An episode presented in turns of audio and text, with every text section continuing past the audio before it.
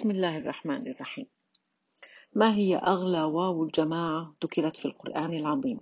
الواو الذهبية. قال الشيخ الشنقيطي رحمه الله صاحب أضواء البيان في قوله تعالى ثم أورثنا الكتاب الذين اصطفينا من عبادنا فمنهم ظالم لنفسه ومنهم مقتصد ومنهم سابق بالخيرات بإذن الله ذلك هو الفضل الكبير. جنات عدن يدخلونها.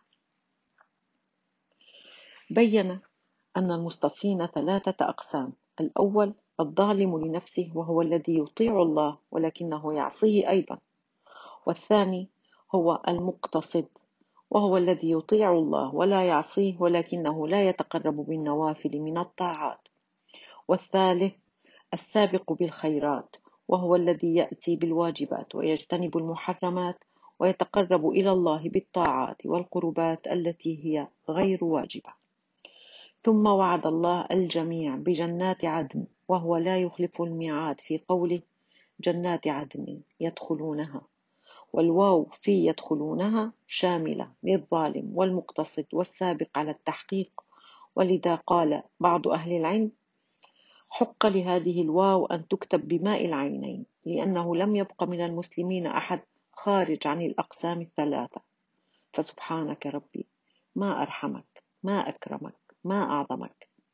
فرعون حين قال أنا ربكم الأعلى كيف كان رد الله سبحانه؟ قالت سبحانه وتعالى لموسى وهارون اذهبا إلى فرعون إنه طغى. فقولا له قولا لينا لعله يتذكر أو يخشى. قال أحد الصالحين وهو يسمع هذه الآية يا ربي إذا كان هذا عطفك بفرعون الذي قال أنا ربكم الأعلى فكيف يكون عطفك بعبد عبد سجد وقال سبحان ربي الأعلى؟ يا ربي ارحمنا برحمتك يا أرحم الراحمين. أيضيق صدرنا بعد هذا؟ أيضيق صدرنا بعد أن قال الله لنا لا ملجأ من الله إلا إليه؟